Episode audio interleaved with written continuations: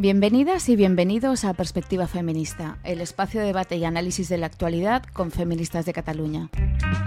Para entender la realidad que nos rodea y denunciar las desigualdades entre mujeres y hombres.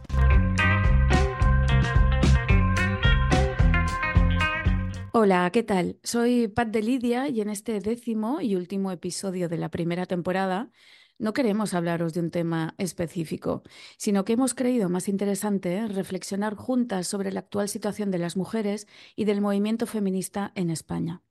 Y por este motivo hemos invitado a Silvia Carrasco, doctora en antropología, profesora titular del Departamento de Antropología Social de la Universidad Autónoma de Barcelona y presidenta de Feministas de Cataluña. Hola Silvia, bienvenida, ¿cómo estás? Hola, ¿qué tal? Silvia, eh, este 2023 ha sido un año muy intenso para el movimiento feminista y también para nuestra organización, Feministas de Cataluña. ¿Qué valoración haces de ello? Una valoración muy clara es que hemos ah, proporcionado la evidencia definitiva mm, del impacto negativo de las eh, leyes trans y de la promoción de la ideología transgenerista con la publicación y la difusión de nuestro informe sobre el Survey Transit, que trata los supuestos casos de niñas, niños, adolescentes y adultos trans en Cataluña y creo que esto ha sido lo más citado, lo más referenciado, ha apoyado y de eso estamos muy orgullosas todas las reivindicaciones, por ejemplo, de las madres de la asociación Amanda. Eh, nos han llamado desde el Parlamento francés desde organizaciones internacionales como el Observatoire de la Petite Sirène, que es eh, franco-belga, pero tiene una dimensión que va mucho más allá del ámbito francófono, a presentar este informe, esta investigación. Está en todas partes. Hemos, hemos dado la campanada. Se publicó la primera versión el 8 de noviembre de 2022. Lo pudimos actualizar a finales de diciembre y desde luego desde enero no hemos parado de, darle difusión y ha sido muy citado. Esto como, como la primerísima valoración de, un éxito del esfuerzo y el rigor y el compromiso de Feministas de Cataluña. Por otra parte, la organización no para de crecer y se ha convertido, creo que, que no es inmodestia decirlo, en una voz de, referencia. De manera que los resultados de nuestra eh, manera de entender eh, la militancia feminista pues también son, son muy satisfactorios. Pero claro, ha sido un año, un año muy decepcionante, ha sido un palo, para decirlo de forma coloquial, en el que hemos visto que bueno, una, se ha constatado el retroceso en derechos, el abandono de la, de la izquierda, ¿no? del feminismo, claramente, no solo a través de la aprobación de la ley trans, de la que supongo que hablaremos, sino de, muchas otras cosas. Y lo hemos comprobado en el ciclo electoral tanto de las municipales del 28 de mayo como de las generales del 23 de julio, como en el pacto de gobierno entre el PSOE y Sumar, en el que la agenda feminista está totalmente ausente. De manera que, y bueno, las primeras señales de la, de la nueva ministra de Igualdad pues, han sido demostrar que no tiene demasiada idea sobre violencia de género, hablando de que las mujeres tienen que ir a denunciar dónde están los recursos, qué se hace con esa denuncia, ¿no? Mm. Y, y, que la segunda cosa que hace pues, es ir a una manifestación pro transgenerista, de manera que sigue la misma línea que la ministra anterior mientras está aumentando sin precedentes la violencia machista, los feminicidios y, bueno, mm, por ejemplo, el énfasis que se ha estado haciendo ah, sobre el concepto de consentimiento es una de las peores ideas, una de las peores noticias para perpetuar la violencia contra las mujeres, porque realmente eh, invalida cualquier norma jurídica que nos proteja.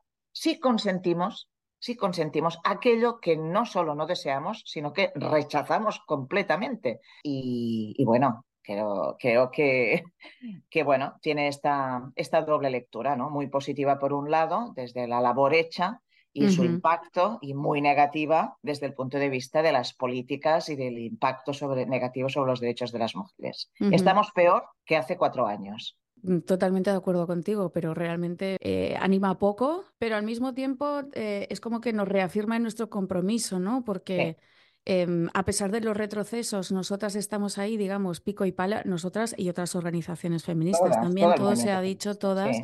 Estamos ahí remando a una o intentamos remar a una, estamos haciendo un trabajo ingente y a pesar de esos retrocesos que nos rodean, sí que vamos logrando pequeños triunfos, ¿no? O pequeños avances como lo que decías de, del informe sobre el de Transit. Claro, porque es una evidencia que no teníamos y toda lucha y toda reivindicación tiene que venir acompañada de un rigor mayor del habitual, a eso ya estamos acostumbradas las mujeres, eh, en proporcionar evidencias, evidencias, no solo a posicionamientos teóricos que tienen toda la validez del mundo, pero tiene que ir acompañado de evidencias y el rigor más el compromiso, yo creo que son las claves del éxito desde el punto de vista de la militancia. Claro.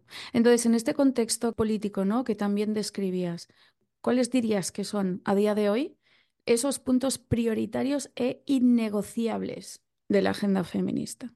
Bueno, se, resumen en uno. Es innegociable seguir siendo ciudadanas de segunda. Y con esto te lo, te lo resumo todo, creo, ¿no? Porque mira, el aumento de la violencia es un reflejo de esta ofensiva contra las mujeres.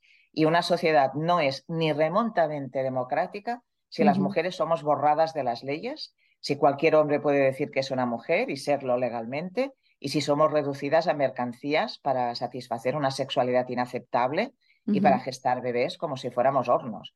De manera que, que básicamente no podemos seguir siendo ciudadanas de segunda y todo lo que tenga que ver con ello es prioritario en nuestra agenda. Para empezar, una ley de abolición de la prostitución, la derogación de todas las leyes trans y los recursos adecuados para apoyar lo que realmente funciona contra la violencia machista, antes y después de que se produzca. Hmm.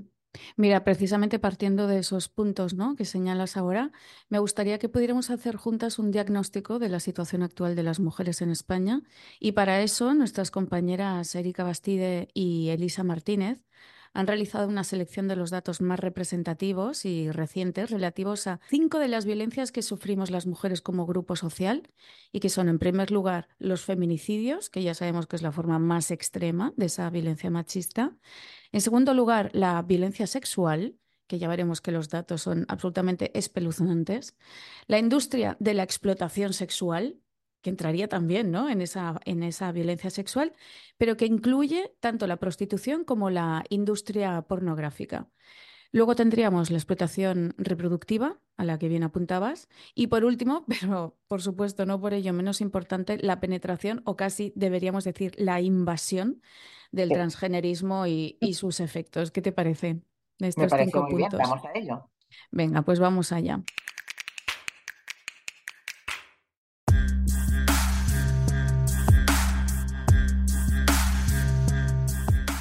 Muy bien, empecemos por los feminicidios.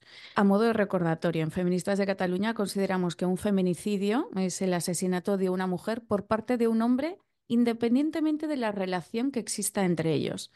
Desde que empezó el recuento de feminicidios en 2003, el Estado computa oficialmente solo los feminicidios íntimos, es decir, aquellos en los que la víctima tenía o había tenido una relación de pareja con el asesino, ¿no? Parece como que tengamos que ser la señora de o la ex señora de para que nos consideren víctimas. En cualquier caso, desde el 2022 el Estado sí que ha empezado a registrar otros feminicidios, más allá de los feminicidios íntimos, pero lo cierto es que el recuento ni es exhaustivo ni es exacto y además es que tampoco está actualizado. Escuchemos lo que nos dicen los datos de los que disponemos. A fecha de 27 de diciembre de 2023 se han cometido en España un total de 99 feminicidios. Si a estos les sumamos los siete cometidos anteriormente pero descubiertos a lo largo de este año, nos encontramos ante un total de 106 mujeres asesinadas a manos de hombres de su entorno una cifra muy superior a las 55 de las cuales habla el Gobierno en todos sus comunicados y que recogen los medios. Y esto pasa fundamentalmente porque, según la Ley Integral contra la Violencia de Género, aprobada hace 19 años, las mujeres víctimas de violencia de género son aquellas que mueren asesinadas por hombres que eran su pareja o expareja, es decir, los datos que se difunden solo hacen referencia a los feminicidios íntimos. Y a pesar de estas cifras, todavía no sabemos en qué se han gastado los mil millones de euros del Pacto de Estado contra la Violencia Machista, aprobado hace ya seis años, en diciembre de 2017. Todo lo que, lo que estos datos eh, apuntan realmente es que los asesinatos de mujeres son la prueba más evidente de que no hemos superado el núcleo de la cultura patriarcal, es decir, la idea de que las mujeres son de los hombres. Mm. Por lo tanto, ah, claro, los asesinatos es que son la prueba más evidente. ¿no? Esta, esta, idea sigue, sigue, sigue, sigue estando totalmente enraizada. Y después yo me pregunto, mm, y creo que en este sentido nuestra agenda para el 2024 tiene que, que estar ahí, ¿no? ¿Qué están haciendo las comunidades autónomas con el dinero que se ha distribuido y que se ha esfumado ¿no? del Pacto de Estado contra la, violencia machista? Eh, ¿Qué están haciendo las comunidades autónomas? Todas las comunidades autónomas tenemos leyes contra la violencia machista. En el caso de Cataluña, encima se llama del derecho de las mujeres a erradicar la violencia machista. ¿Qué está haciendo la Generalitat? ¿Por qué no están dando explicaciones, rendiendo cuentas de qué han hecho la Generalitat, por supuesto los ayuntamientos, pero la competencia política la tiene la Generalitat. Entonces, vamos a ver, lo que funciona ya sabemos qué es. Por ejemplo, las órdenes de alejamiento y de protección. Por ejemplo, las pulseras, en el caso en el que ya se haya producido ¿no? episodios de violencia que han sido puestos en conocimiento de, la policía, de, de fiscalía, etcétera, ¿no? Bueno, sabemos qué es lo que funciona. Entonces, no están invirtiendo ahí. Eh, no ha habido ninguna asesinada entre las mujeres cuyo agresor ha sido controlado por medios electrónicos. Muy bien. Mm. Pues entonces, ¿qué están haciendo? Yo quiero saber en qué se ha gastado el dinero de la Generalitat. Por supuesto, el Estado, pero en este caso la Generalitat. ¿Qué pasa con estas pulseras electrónicas? Que sabemos que funcionan, pero lo primero es preservar la vida de las mujeres, ¿no? Entonces, esto por una parte. Por la otra, se habla, eh, y sabemos, sabemos además, ¿no? Hay informes, estudios del aumento del negacionismo, ¿no? Los chicos jóvenes, los hombres mayores, por supuesto, la derecha, pero chicos jóvenes que se consideran progresistas, que niegan el concepto mismo de violencia de género como la violencia que se ejerce contra las mujeres por el hecho de, serlo, ¿no? Chicos jóvenes y adolescentes, chicos jóvenes y adolescentes que son los futuros adultos. Sí, sí, ¿no? Y que a veces se nos olvida ellos, ellos mismos están ejerciendo cada vez más violencia contra sus iguales chicas, ¿no? Entonces, sabemos esto. ¿Cuál es el plan? ¿Cuál es el plan? Porque mm, supongo que seguiremos hablando de esto cuando hablemos de, violencia sexual, ¿no? Pero ¿cuál es el plan de la Generalitat que tiene plena competencia para actuar de forma preventiva? Porque a mí me hace mucha gracia cuando leo informes, entrevistas, etcétera, sobre la responsabilidad política contra la violencia machista, el 90% tiene que ver con qué hacemos con las víctimas o qué tienen que hacer las mujeres víctimas, la propia ministra. Las mujeres lo que tienen que hacer es ir a denunciar. y una vez van a denunciar, ¿sabe la ministra lo que ocurre? Bueno, y previamente, previamente, ¿cuál es el plan? ¿Qué están haciendo? ¿Están hablando em, realmente de hacer un plan de intervención contra esa violencia machista? Yo no he visto ninguno. Entonces el 90% es las víctimas. No, no, perdonen. ¿Qué hacemos con los potenciales agresores en esta cultura que lo favorece? Creo que, en el caso de la violencia sexual es donde se ejemplifica mejor esta inutilidad, incapacidad, incompetencia y que, por supuesto, no escucha el movimiento feminista. De hecho, ahora estoy recordando uno de los eventos que hemos hecho este año, en el que precisamente eh, hablábamos, eh, analizábamos las cifras ¿no? de los feminicidios de este año, del 2023, y hicimos un análisis de las campañas de prevención de violencia de género o violencia machista en los últimos 15 años. Y la, la amplia mayoría de las campañas que se han hecho desde las instituciones, el mensaje se dirige a la víctima, a la mujer, y le dice denuncia. Es decir, recae sobre ella una responsabilidad que en realidad es una responsabilidad que debería asumir el Estado y que es una responsabilidad de trabajo preventivo. Exacto, exacto, pero fíjate, las campañas van dirigidas a eh, las mujeres en tanto que víctimas o víctimas potenciales, perdonen, quien ejerce la violencia. Es como si las campañas contra el aumento de mm, robos se dirigieran a quienes pueden ser eh, víctimas de tales robos, no ante los potenciales eh, ladrones. ¿no? Bueno, en fin, el enfoque es totalmente erróneo, equivocado y además lanza un mensaje muy peligroso porque lo que hace es desresponsabilizar a la sociedad en su conjunto y a los hombres en particular. Exacto, exacto. Muy bien, ¿te parece que vayamos con violencia sexual? porque ahora lo apuntabas. Em, bueno, de hecho comentábamos ¿no? que cada vez son más las voces que denuncian un aumento muy significativo y sumamente preocupante de la violencia sexual contra mujeres y niñas. Y de hecho los datos también apuntan en esta dirección.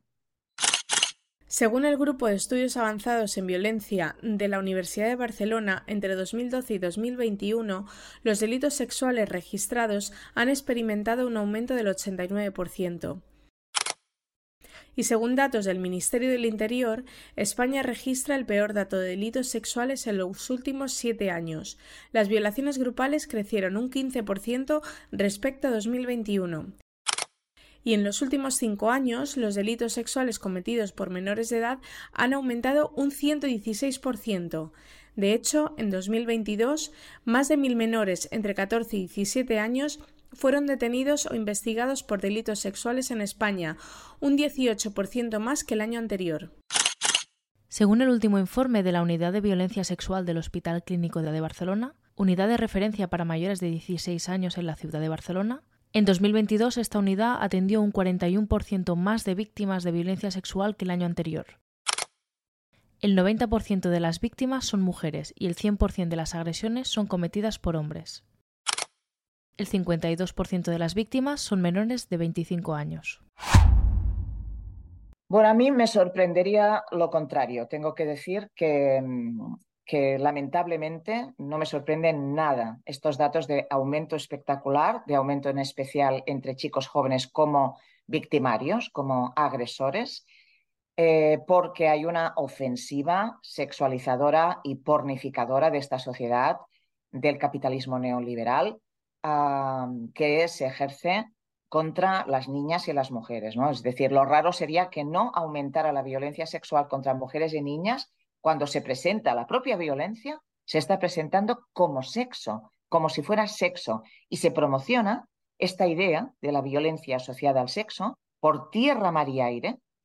Ah, y la chica popular ahora es la que se parece a la actriz porno, ¿no? con este juego, supuesto juego de seducción, humillación, no solo se deja humillar, sino que cree que si no lo desea es que le pasa algo, de manera que contra su deseo, contra su voluntad, intenta pornificarse porque esto es lo que se, se promociona. Es mm. más, se presenta como un empoderamiento feminista a través de este valor neoliberal por excelencia, ¿no? Eres propietaria de tu capital erótico, el patriarcado del consentimiento que, supuestamente estamos, ¿no? Estábamos hablando hace un momento de esta idea letal, letal del consentimiento, pues ahora pasamos a lo que yo he bautizado así, eh, digamos, de forma coloquial como patriarcado de elección.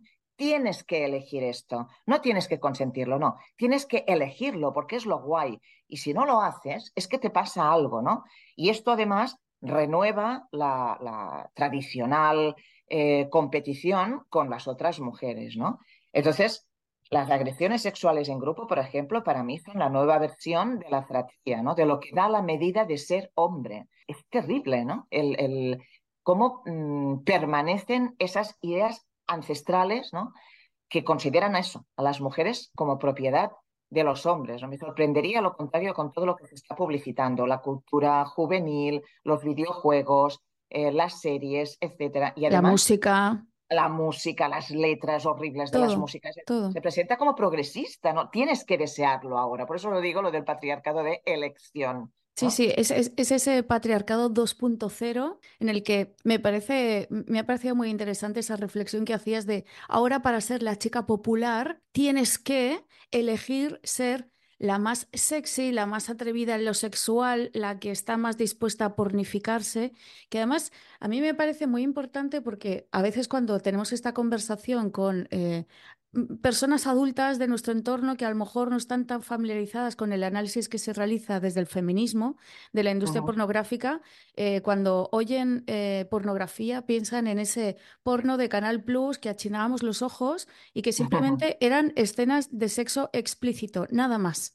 Bueno, nada más, entiéndeme, estoy simplificando mucho. No, no, no, eh, pero es que tienes razón. Por supuesto que hay algo más, ¿no? Siempre... digamos, desvelar la sexualidad humana se consideraba porno. Bueno, Exacto. ahora no estamos hablando de esto. Eh, claro, es que ahora no estamos hablando de esto. Y de hecho, cuando analizamos los datos de consumo de pornografía, eh, en el caso de los, de los más jóvenes, ¿no? que ya sabemos que empiezan a consumir pornografía desde que son súper pequeños, desde edades tan tempranas como, como los ocho años, ¿cómo no van a crecer con esos esquemas que te venden como, como sexo, como sexualidad, lo que en realidad es violencia física, humillación, degradación? O sea... Mm, Sí, sí, es violencia como sexo. Realmente está sustituyendo ah, la idea de sexualidad. La violencia lo sustituye, pero es que así lo están presentando y normalizando desde todas partes. No hay prácticas, bueno, son prácticas que cada uno haga lo que quiera. La idea absolutamente neoliberal, individualista, ¿no? Si tú lo quieres y la otra se deja o ella lo elige.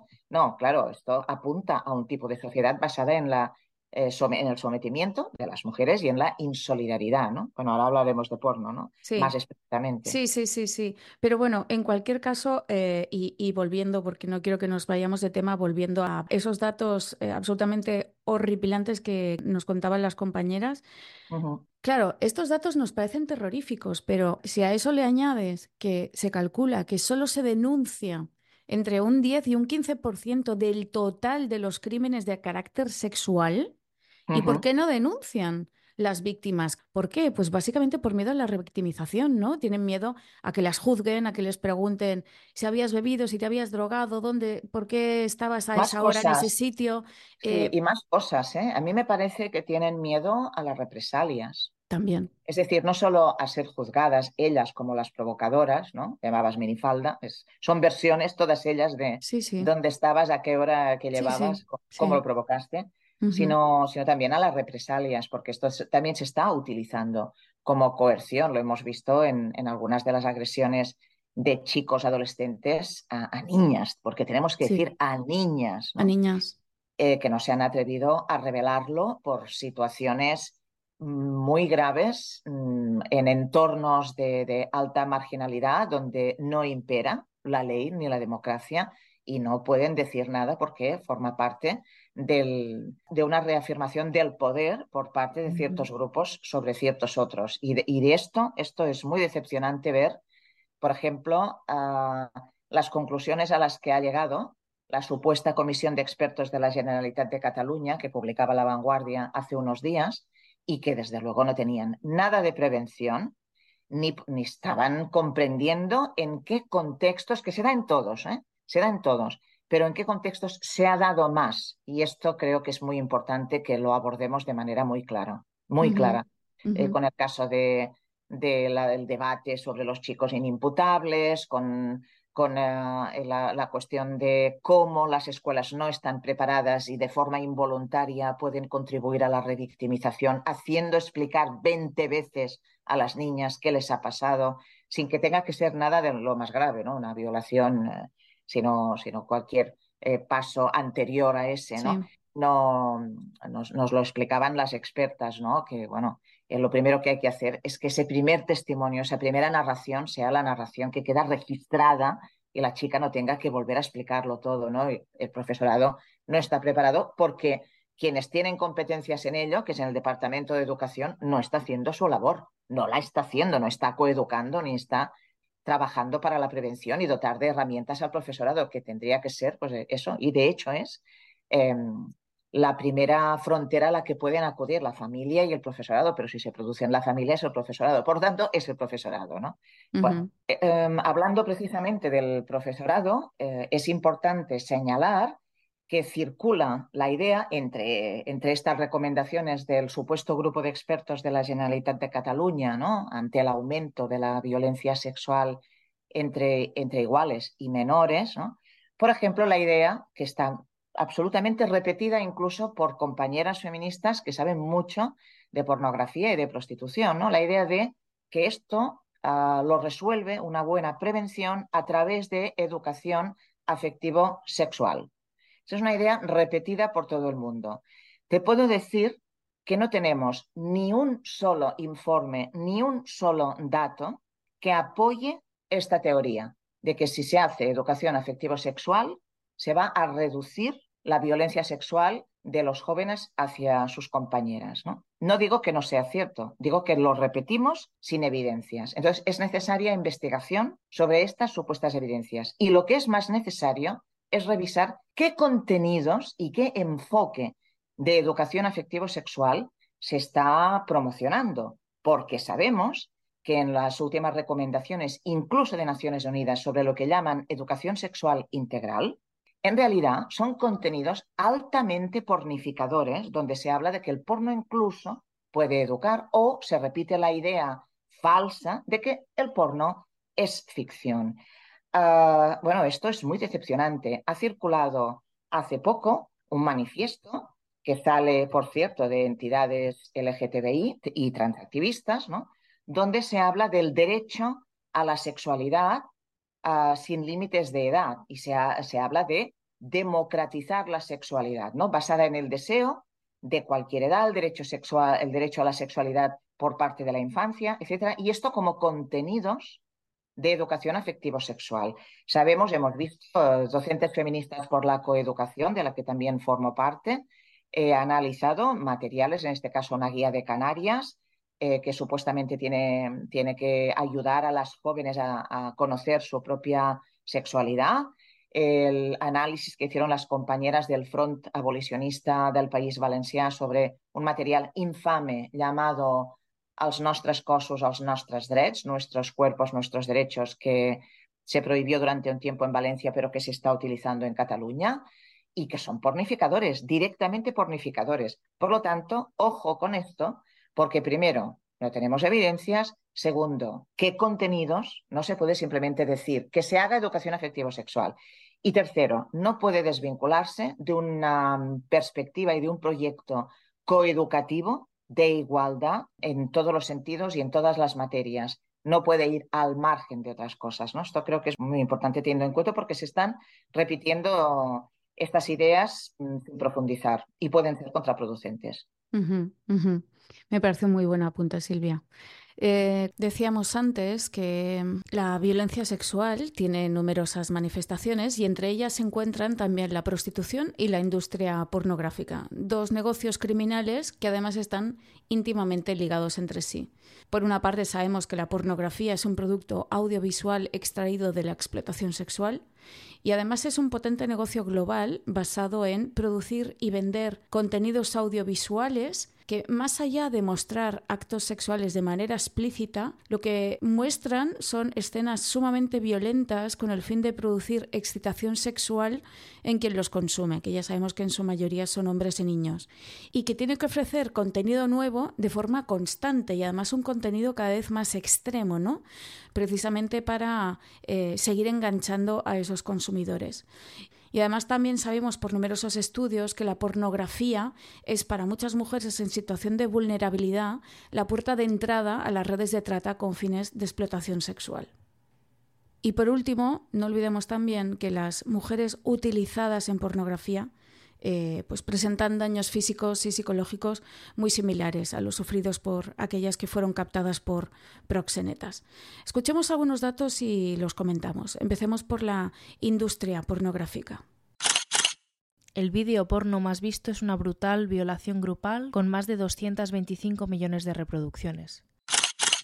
Según National Human Trafficking Hotline, la pornografía ocupa el tercer lugar de las formas más habituales de explotación sexual tras los servicios de escort y masajes eróticos, e incluyen tácticas de coerción y amenazas psicológicas en un 59% de los casos, y amenazas físicas en un 41%, tal y como han señalado Fish y Wheeler en un estudio realizado en 2021.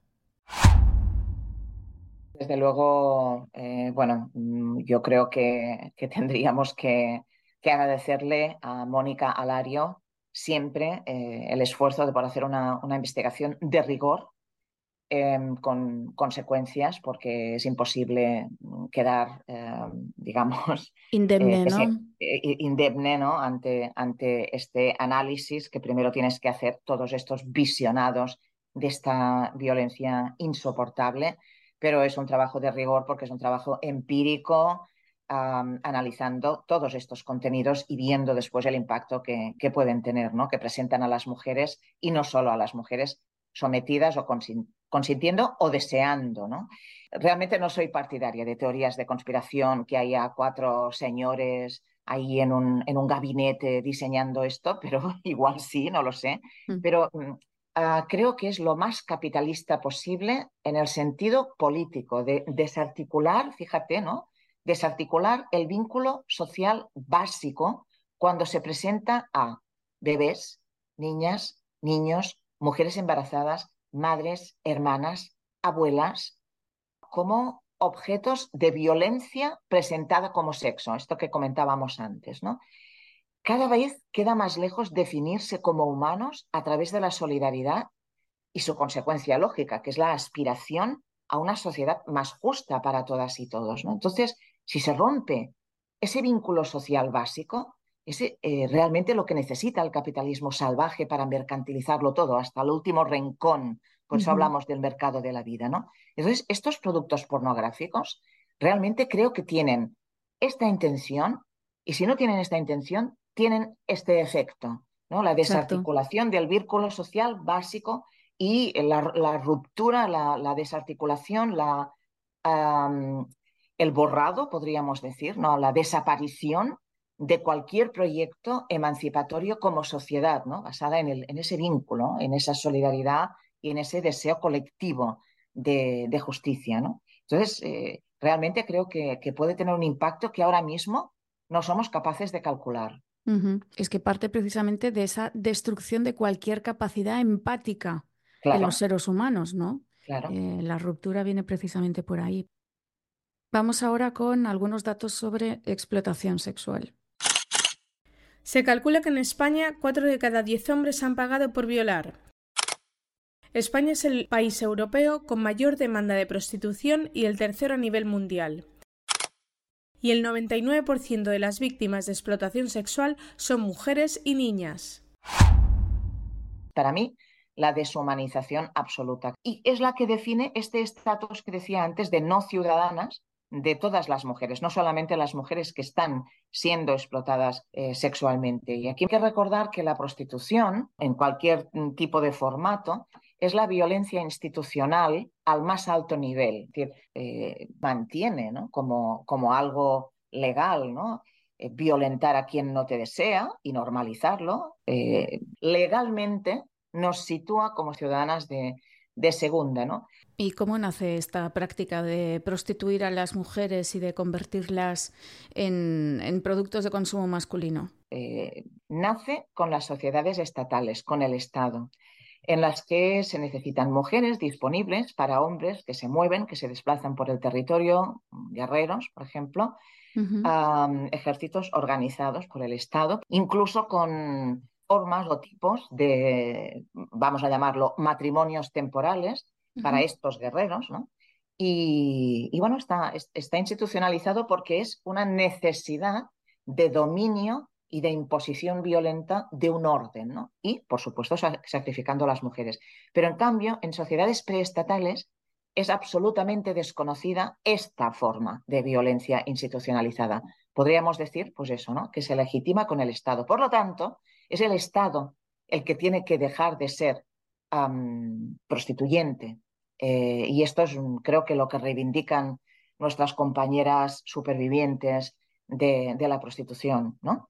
No es casual que a menudo nosotras utilicemos la expresión Estado proxeneta, ¿no? Porque precisamente al final es el Estado el que nos pone ahí y legitima sobre todo esa visión de las mujeres como objeto, eh, como bien de consumo y como herramienta para, anulando cualquier característica humana, ¿no? Y de, y de autonomía personal. Por no hablar de los beneficios económicos del Estado, tolerando y avalando, claro, a la industria de la, de la explotación sexual. Estas cuentas, estas cuentas se las tenemos que exigir al Estado y a quien lo gobierne en cada momento. Las cuentas de lo que ingresa el Estado explotando mujeres, violentando de forma institucionalizada y promocionada mujeres. Y desde luego se lo tenemos que pedir a la izquierda de este país, ¿no?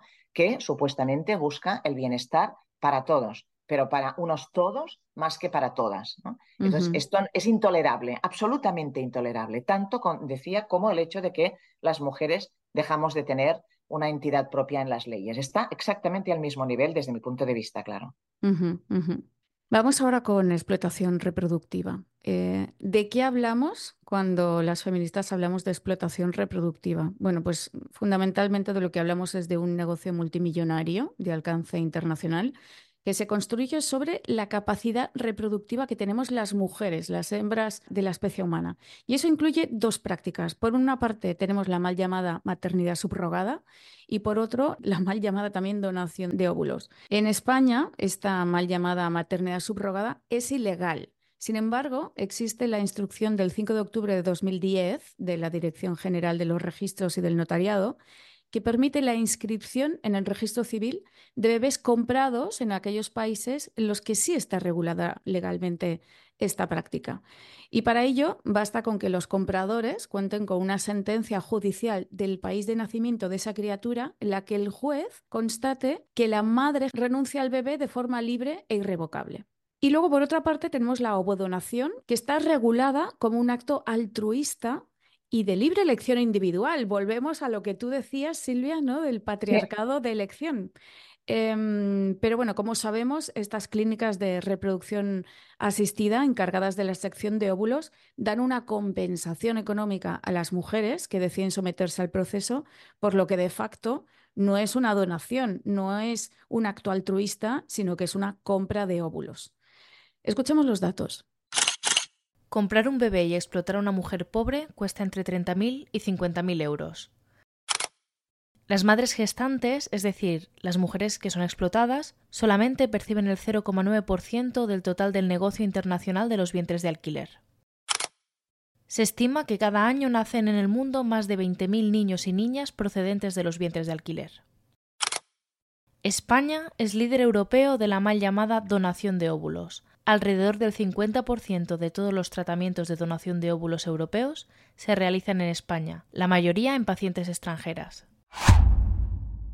Pues mira, aquí también tengo que decir que estamos hablando de una noción capitalista extrema, lo que más encarna de forma más clara, que nos puede entender más gente cuando hablamos del mercado de la vida. Hmm. Em, y en dos sentidos, ¿no? Por una parte, pues el hecho de que ya tenemos a las mujeres totalmente deshumanizadas, no son ciudadanas, ya lo venimos hablando, ¿no? Todo este contexto cultural emite este mensaje continuamente, las mujeres no somos humanas.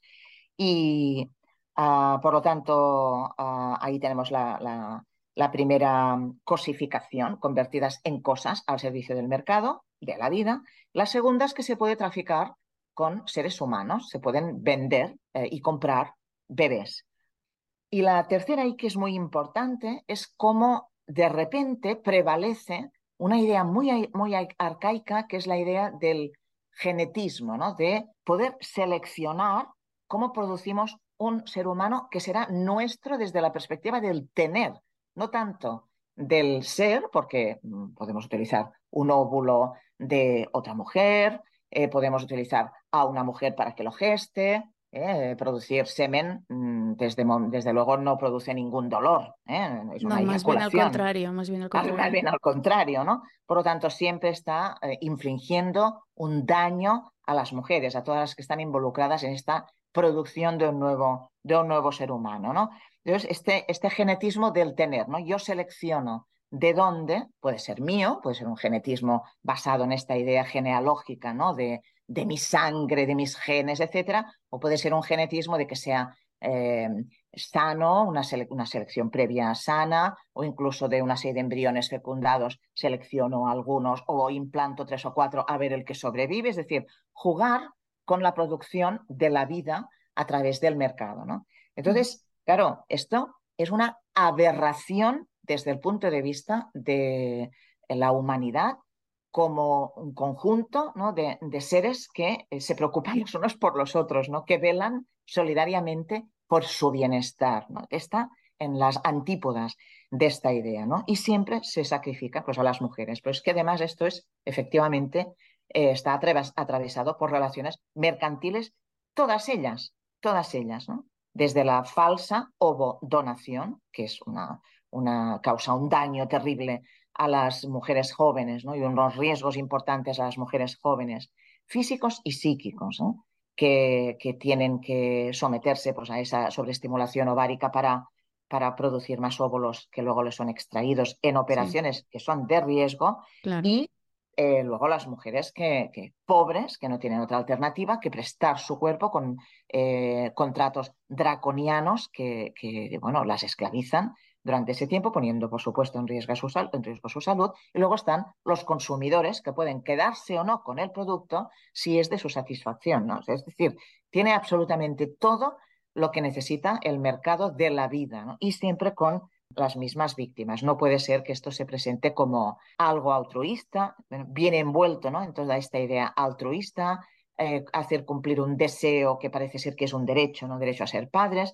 y que por supuesto eh, está en las antípodas de lo que es maternar y paternar, ¿no? es cuidarse de otra persona, cuidar de otra persona, responsabilizarse de otra persona, adquirir un compromiso vitalicio con esa otra persona ¿no? Que tú traes al mundo o que tú cuidas porque, porque tú eliges, ¿no? Pero um, eliges el compromiso, no eliges el producto. En ese sentido, hay un texto que no sé si está traducido, yo creo que no, que es de los años 90, de mediados de los 90, de una socióloga norteamericana que se llama Viviana Zelizer, que en inglés se llama Pricing the Priceless Child, que es poner precio a lo que no tiene precio, poner precio al bebé que no tiene precio, que es priceless, ¿no? Entonces ahí esto está ya muy reflexionado, ¿no? Y parece que no se está teniendo en cuenta qué significa y qué va a significar. Y desde luego nadie piensa en el producto, no solo en, la, en las mujeres que, que se necesita explotar para producirlo, sino nadie piensa en el producto, ¿no? En el bebé o la bebé que va a nacer de ello, ¿no? Una sociedad absolutamente insolidaria basada en el dinero y el derecho a que da ese, ese dinero. ¿no? Y luego también yo creo que hay, hay otra cuestión que me parece terriblemente perversa y es como el, hecho de vender eh, tanto la compra-venta de óvulos como la compra-venta de seres humanos como un acto altruista por parte de las mujeres, que ese altruismo siempre se espere de nosotras las mujeres, ¿no? Como cuidadoras eternas, eso por un lado, pero ya no solo eso, sino que en los últimos años, desde las propias universidades, se hace esa publicidad abierta eh, intentando captar estudiantes universitarias para someterlas a esos tratamientos y comprarles sus óvulos. Claro, y no solamente esto, sino que, mira, hace poco ha tenido lugar el 17 de diciembre la maratón anual mm, en la televisión pública catalana, TV3, que ha, sido, ha estado dedicada a lo que llamaban eh, problemas de salud sexual y reproductiva. Siempre es algo para quienes no lo conozcan, que se organiza anualmente para recabar fondos para investigar enfermedades eh, que, bueno, eh, digamos, ahí cada opinión, ¿no? Supuestamente esto debería estar financiado, ¿no? Por los poderes públicos, pero eh, está basado en donaciones de hacen personas. Hacen esta recaudación, sí. Exacto, mm. ¿no? Extra y luego de ahí se hace un concurso a proyectos de investigación que estudian en profundidad el tema del que se trate en este año, salud sexual y reproductiva. Claro, el programa fue una mezcla de ideas altruistas, ¿no? de mm, ideas basadas en las tecnologías reproductivas, las tecnologías ah, de reproducción asistida y en los que eh, se ha normalizado totalmente esta idea del deseo de eh, ser madre como derecho eh, y, y, donde naturalmente no, se, no ha habido ni una sola intervención alertando de los riesgos, aparte de las cuestiones morales desde el punto de vista de la, del beneficio ¿no? económico de todo esto, pero de los riesgos para la salud de las jóvenes que son empujadas a vender, porque es una venta, ¿no? su salud ¿eh? a través de, de, sus óvulos. ¿no? Entonces hay todo este, em, esta, esta envoltura entre valores humanos, altruistas, satisfacer deseos de otros, etcétera, pero también esta, esta envoltura de eh, presentar un negocio como una tecnología para curar una enfermedad. No es ninguna enfermedad no tener hijos. no poderlos tener. Esto puede ser debido a una enfermedad, pero eso no da derecho a explotar a otras personas para utilizar esa tecnología para cumplir un deseo, ¿no? O sea, eh, por supuesto, esto hay que, hay que hablarlo de una forma muy clara, pero no se ha hablado en ningún momento. Entonces, esta doble cobertura moral, mm. por una parte, como si estuviera recubierta de valores humanos, ¿no? De solidarios, y por la otra, esta cobertura de tecnología médica, como si en realidad esto fuera lícito porque va a solucionar eh, problemas de salud sexual y reproductiva. Son dos mentiras y este tema hay que abordarlo de manera muy clara. Mm. Vamos ahora con la ideología transgenerista y sus efectos. Entonces, aquí, Silvia, sí que antes de, escuchar los datos, eh, te pediría, por favor, que, que nos expliques a qué nos referimos cuando hablamos de transgenerismo y por qué supone un atentado contra los derechos de las mujeres. Pues de una manera muy sencilla, podríamos decir que el transgenerismo es en realidad una ideología que se basa en una idea muy simple. Existe una identidad mm, de género eh, que está basada en estereotipos sexistas tradicionales de lo que se supone que es eh, hombre o ser mujer en una sociedad concreta, en este sentido, la nuestra, ¿no?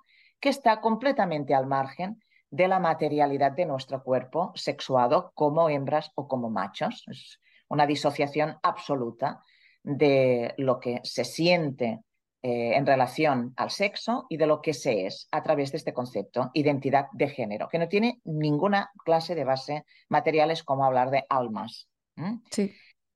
Esta, esta, es la idea, ¿no? Este, sostener que esto es así. Y con esta idea van asociadas otras. Por ejemplo, que se puede nacer en un cuerpo equivocado, como si existiera un yo previo a, la materialidad del ser humano, a la producción de un bebé, existirá un yo, se equivoca de cuerpo, ¿no? y a esto se asocia el derecho, supuesto derecho, a modificar el cuerpo para adaptarlo a la identidad de género sentida. Esto viene de esta idea de no considerar el género como opresión, ¿no? todo lo que se inventa para inferiorizar y someter a las mujeres en todas las sociedades, culturas y épocas por ley o por práctica social y cultural, ¿no? Y viene eh, en contraposición con esta idea del género como una identidad que se identifica precisamente con los estereotipos, con esos estereotipos opresivos asociados a ser mujer y también a ser hombre, ¿eh? porque son limitadores igualmente ¿no? para los hombres. Bueno, entonces esto es el transgenerismo, es esta, esta idea base y el supuesto derecho a modificar el cuerpo. Bueno, eh, ¿Por qué supone un atentado contra eh, los derechos de las mujeres? Bueno, lo primero es que es un atentado para toda la ciudadanía porque es una mentira que se ha impuesto ahora ya en España en una ley estatal eh, y que si se discrepa de esa mentira ah, se puede ser víctima de multas, sanciones y en el caso de profesionales que exploren porque alguien, chico, chica, niño, niña, rechaza y siente un gran malestar por su cuerpo sexuado, si, se hace esta pregunta para explorar las posibles causas de su malestar, puede ser sancionado e inhabilitado como profesional. Ah, y, por supuesto, borra la definición de eh, mujer. Borra también, me diréis, la definición de hombre, claro, pero no es simétrico, porque las mujeres necesitamos saber quiénes somos para demostrar que estamos siendo oprimidas en la sociedad. Si no sabemos a quiénes son las oprimidas, cómo podemos luchar contra la opresión. Y falsea todos los datos que, de que disponemos con relación a eh, evidenciar esta situación de inferioridad, esta opresión y todas sus consecuencias, ¿no? todas las políticas de igualdad que se, que se han construido para hacer frente y erradicar esta opresión y todas sus discriminaciones y exclusiones, pues quedan en papel mojado porque no, sabemos definir quién está oprimida, no quién es la oprimida. Claro. ¿Y en base a qué? En base, naturalmente, siempre lo sabemos, al sexo. Como dice el convenio de Estambul para la erradicación de la violencia contra las mujeres, precisamente, ¿no? Entonces es una gran perversión, absoluta perversión ah, de la noción de, mujer y hombre y, del, y de la base política para las políticas de igualdad. ¿no? Eh, por eso es, tan grave lo que ha sucedido este año en España. ¿no? Claro.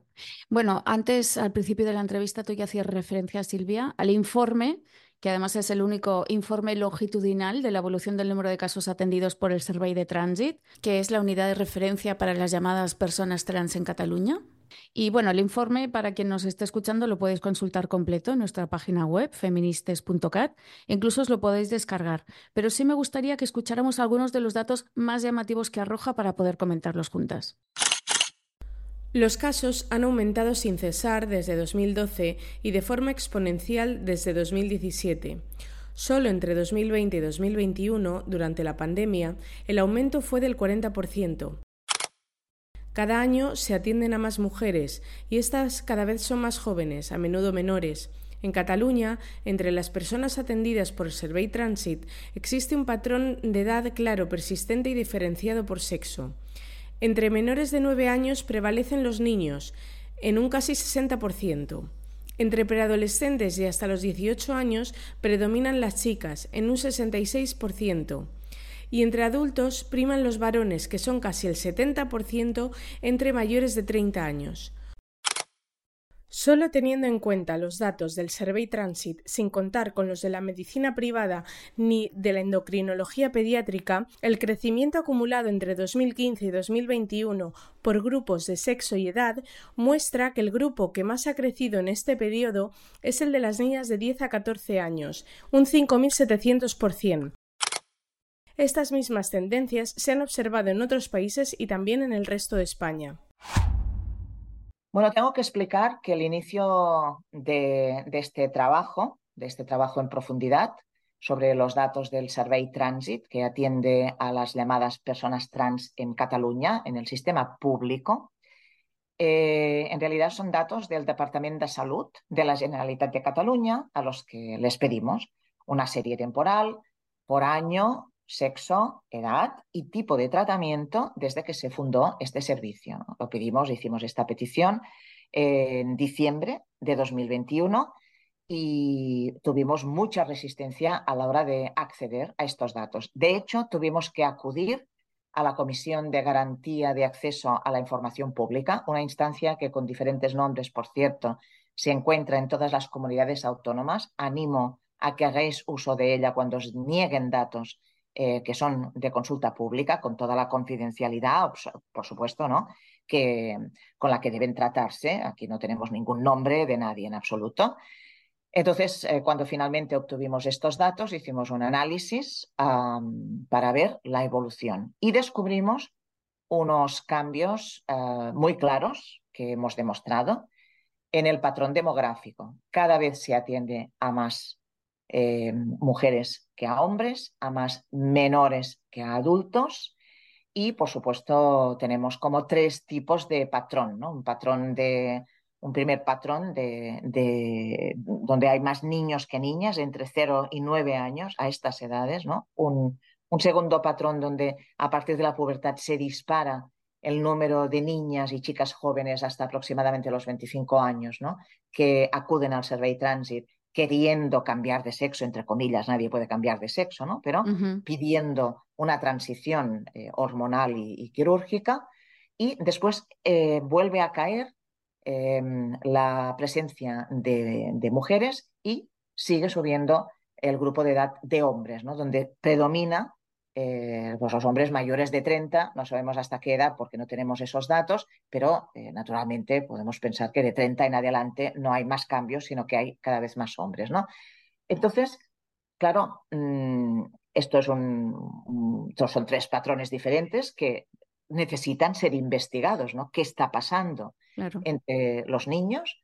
¿Qué está pasando entre las niñas a partir de la pubertad y, las mujeres jóvenes, aproximadamente, como digo, hasta los 25 años, ah, pero también el aumento espectacular de casos, sobre todo desde que se convierte en servicio de referencia y se está expandiendo con unidades en todo el territorio catalán. ¿no? Creo que contamos con más de seis, seis, siete en estos momentos y se está ah, validando la existencia de una infancia trans. ¿no? Esta idea que he dicho que es una falacia de que se puede nacer en un cuerpo equivocado y que se tiene derecho a modificar el cuerpo en función del sentimiento que se tenga de pertenecer a uno u otro sexo que llaman género, ¿no? Pero en realidad se utiliza pues eso, ¿no? Son son estereotipos asociados a ser mujer o a ser hombre. Claro, con esto que hemos visto, pues que esto eh, no ha sucedido en cualquier momento. Esto se ha disparado de manera, el número de casos y, este cambio de patrón, ¿no? Cada vez más jóvenes y cada vez más chicas, Se ha disparado eh, con el confinamiento, es decir, con una, que coincide con una mayor exposición a redes sociales que están plagadas de propaganda trans en este sentido, ¿no? de cualquier idea eh, remota que te pueda hacer pensar que no encajas en los estereotipos, es que a lo mejor eres trans. No, no, es que a lo mejor eres una persona que, progresista, que, que, rechaza esos estereotipos contra los que ha luchado todo el movimiento feminista. ¿no? Entonces se le da la vuelta a todo esto. Mm. Y claro, la propia instancia sanitaria, la primera autoridad sanitaria del país, el Departamento de Salud, el Instituto Catalán de la Salud, valida estas ideas dañinas que están destrozando eh, vidas de niñas, niños y jóvenes y adolescentes, porque los hacen dependientes de hormonas de por vida, esto es así, porque además alteran su desarrollo eh, puberal normal. Ah, y claro, aquí hay unos clarísimos beneficiarios, que es la industria médico-farmacéutica de la identidad de género.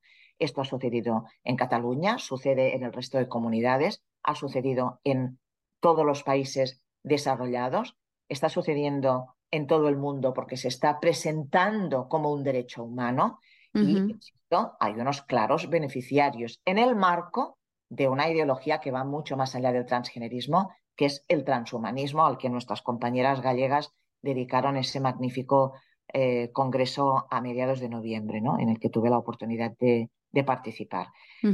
Esto es eh, lo que hemos podido demostrar, que esto está acompañado de una, eh, de una propaganda que valida no solo desde, desde las instancias médicas públicas, ¿no? imagínate qué responsabilidad, ¿no? que está enfermando cuerpos sanos, sino que además todos los medios de comunicación y toda la industria del entretenimiento está promoviendo esta idea. ¿no? Hay una idea de una supuesta minoría oprimida que hasta ahora no éramos capaces de reconocer y que no tiene derechos y que necesita esos derechos. Y para, para hacer cumplir esos derechos necesitaba una ley que borra completamente la noción material y real de ser mujer y de ser hombre. Y ahora estaba pensando, todos los datos que hemos estado comentando antes de este, o sea, de este tema, me refiero, eran relativos a las violencias ¿no? que sufrimos las, las mujeres. Si solo juntas con este dato mm, horroroso y terrorífico que hemos escuchado de esa, ese aumento tan salvaje de niñas que no quieren ser mujeres, claro, mm, la relación entre, entre ambas cuestiones es, es, clara y, directa, ¿no? Lo parece, ¿no? Porque estamos asistiendo a una ofensiva patriarcal sin precedentes en todos los ámbitos, en el de la sexualidad, en el de la reproducción, en el de la representación, ah, etcétera, etcétera. Y eh, pues está al mismo tiempo promocionando esta idea eh, transgenerista y eh, es un vehículo para huir de esa cosificación, de esa sexualización y, por supuesto, el informe CAS y otros informes en Suecia em, y también en Irlanda, en Dinamarca, están mostrando, y sociedades médicas, por supuesto, están ah, demostrando que sirve para ocultar otras vulnerabilidades eh, psicosociales, donde hay una, una prevalencia de comorbilidad, por ejemplo, con trastorno del espectro autista, eh, con niñas y niños que han sido víctimas de abusos sexuales, con niños y niñas, ojo al dato, ¿no?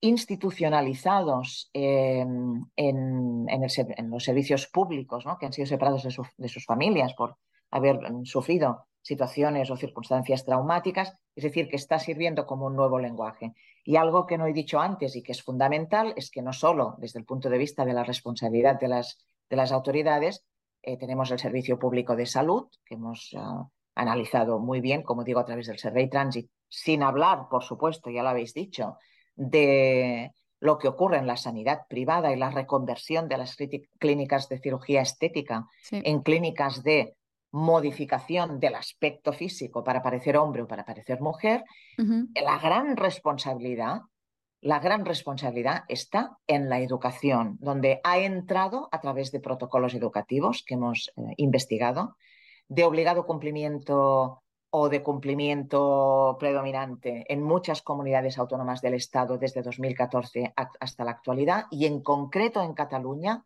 eh, sin em, espacio para ninguna voz crítica, que es descartada inmediatamente ah, por transfobia. ¿eh?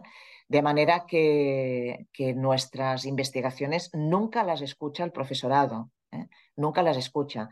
Con eso puedo decir que también otro hito del movimiento feminista y en el que Feministas de Cataluña pues, ha tenido una participación importante ¿no? por, su, por sus ah, integrantes de DOCEMCO, de docentes feministas por la coeducación, ah, con la publicación, con una semana de diferencia del informe Transit, de la coeducación secuestrada, una crítica feminista a la penetración de las ideas transgeneristas en la educación eh, que también han sido ah, el, material, la evidencia definitiva, que por supuesto no nos han hecho caso, de lo que ocurre, de por qué hay este aumento, por qué se está induciendo desde la propia escuela, validado desde la institución educativa, desde la autoridad educativa, esta idea de que se puede haber nacido en un cuerpo equivocado si se rechazan los estereotipos. Es darle la vuelta completamente a la agenda feminista, ¿no? Es lo que subvierte completamente y, hace tan difícil la lucha por la agenda feminista en estos momentos.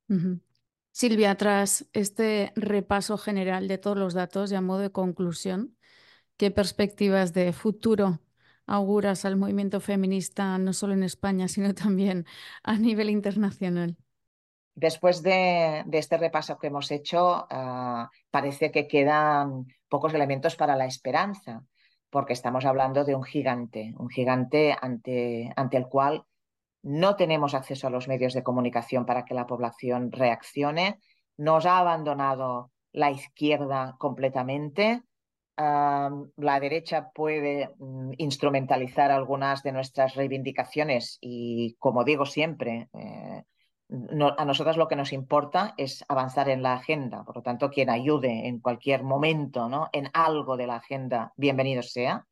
Pero, pero realmente el panorama es desolador. Es desolador porque además están penetrando estas ideas contra las mujeres, esta ofensiva patriarcal, en todas las instituciones supranacionales.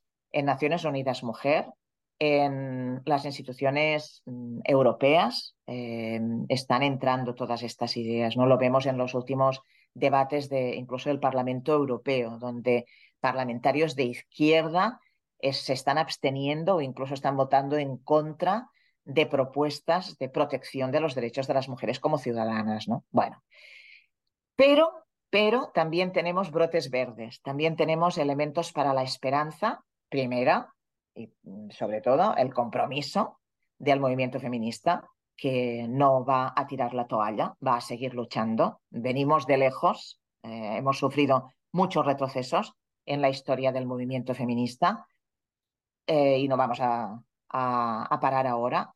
Pero además también hemos visto algunas victorias. Por ejemplo, hay que poner en valor el triunfo del movimiento feminista en el Reino Unido, donde no solo lograron parar la reforma de su ley trans. En España no hemos podido, en Reino Unido sí pudieron, sino que además eh, el debate ahora ya es público y se habla de, bueno, de, todas estas eh, ideas em, que borran a las mujeres y por lo tanto eh, pervierten las políticas de igualdad de una forma mucho más abierta y están dando muestras de algunos cambios algunos sectores de esa izquierda que también ha abandonado a las mujeres en el Reino Unido. ¿no? Eh, pondría, pondría ese, ese, broche final de esperanza a nuestra, a nuestra conversación. Y por supuesto, vamos a ganar. No sabemos cuándo, pero vamos a ganar. Y cada vez somos más y cada vez hay más mujeres jóvenes que se unen a nuestra lucha con rigor y con compromiso. Pues con esa idea nos quedamos eh, de optimismo y con una sonrisa en la cara y, chispitas de ilusión en los ojos, Silvia, para poder seguir al pie del cañón. Muchísimas gracias. Espero que, os haya gustado este programa especial donde hemos querido hacer balance de la situación actual de las mujeres y del movimiento feminista en España y de las perspectivas eh, de futuro y lo que tenemos por delante, que es mucho. Eh, un placer. Muchísimas gracias. Gracias a ti. Y nada, deciros a quienes nos escucháis que nos volvemos a encontrar ya en el mes de febrero, donde saldremos con la segunda temporada de Perspectiva Feminista, con nuevos contenidos, nueva estructura, nuevos formatos y también nueva frecuencia. Os contaremos más a través de nuestras redes sociales.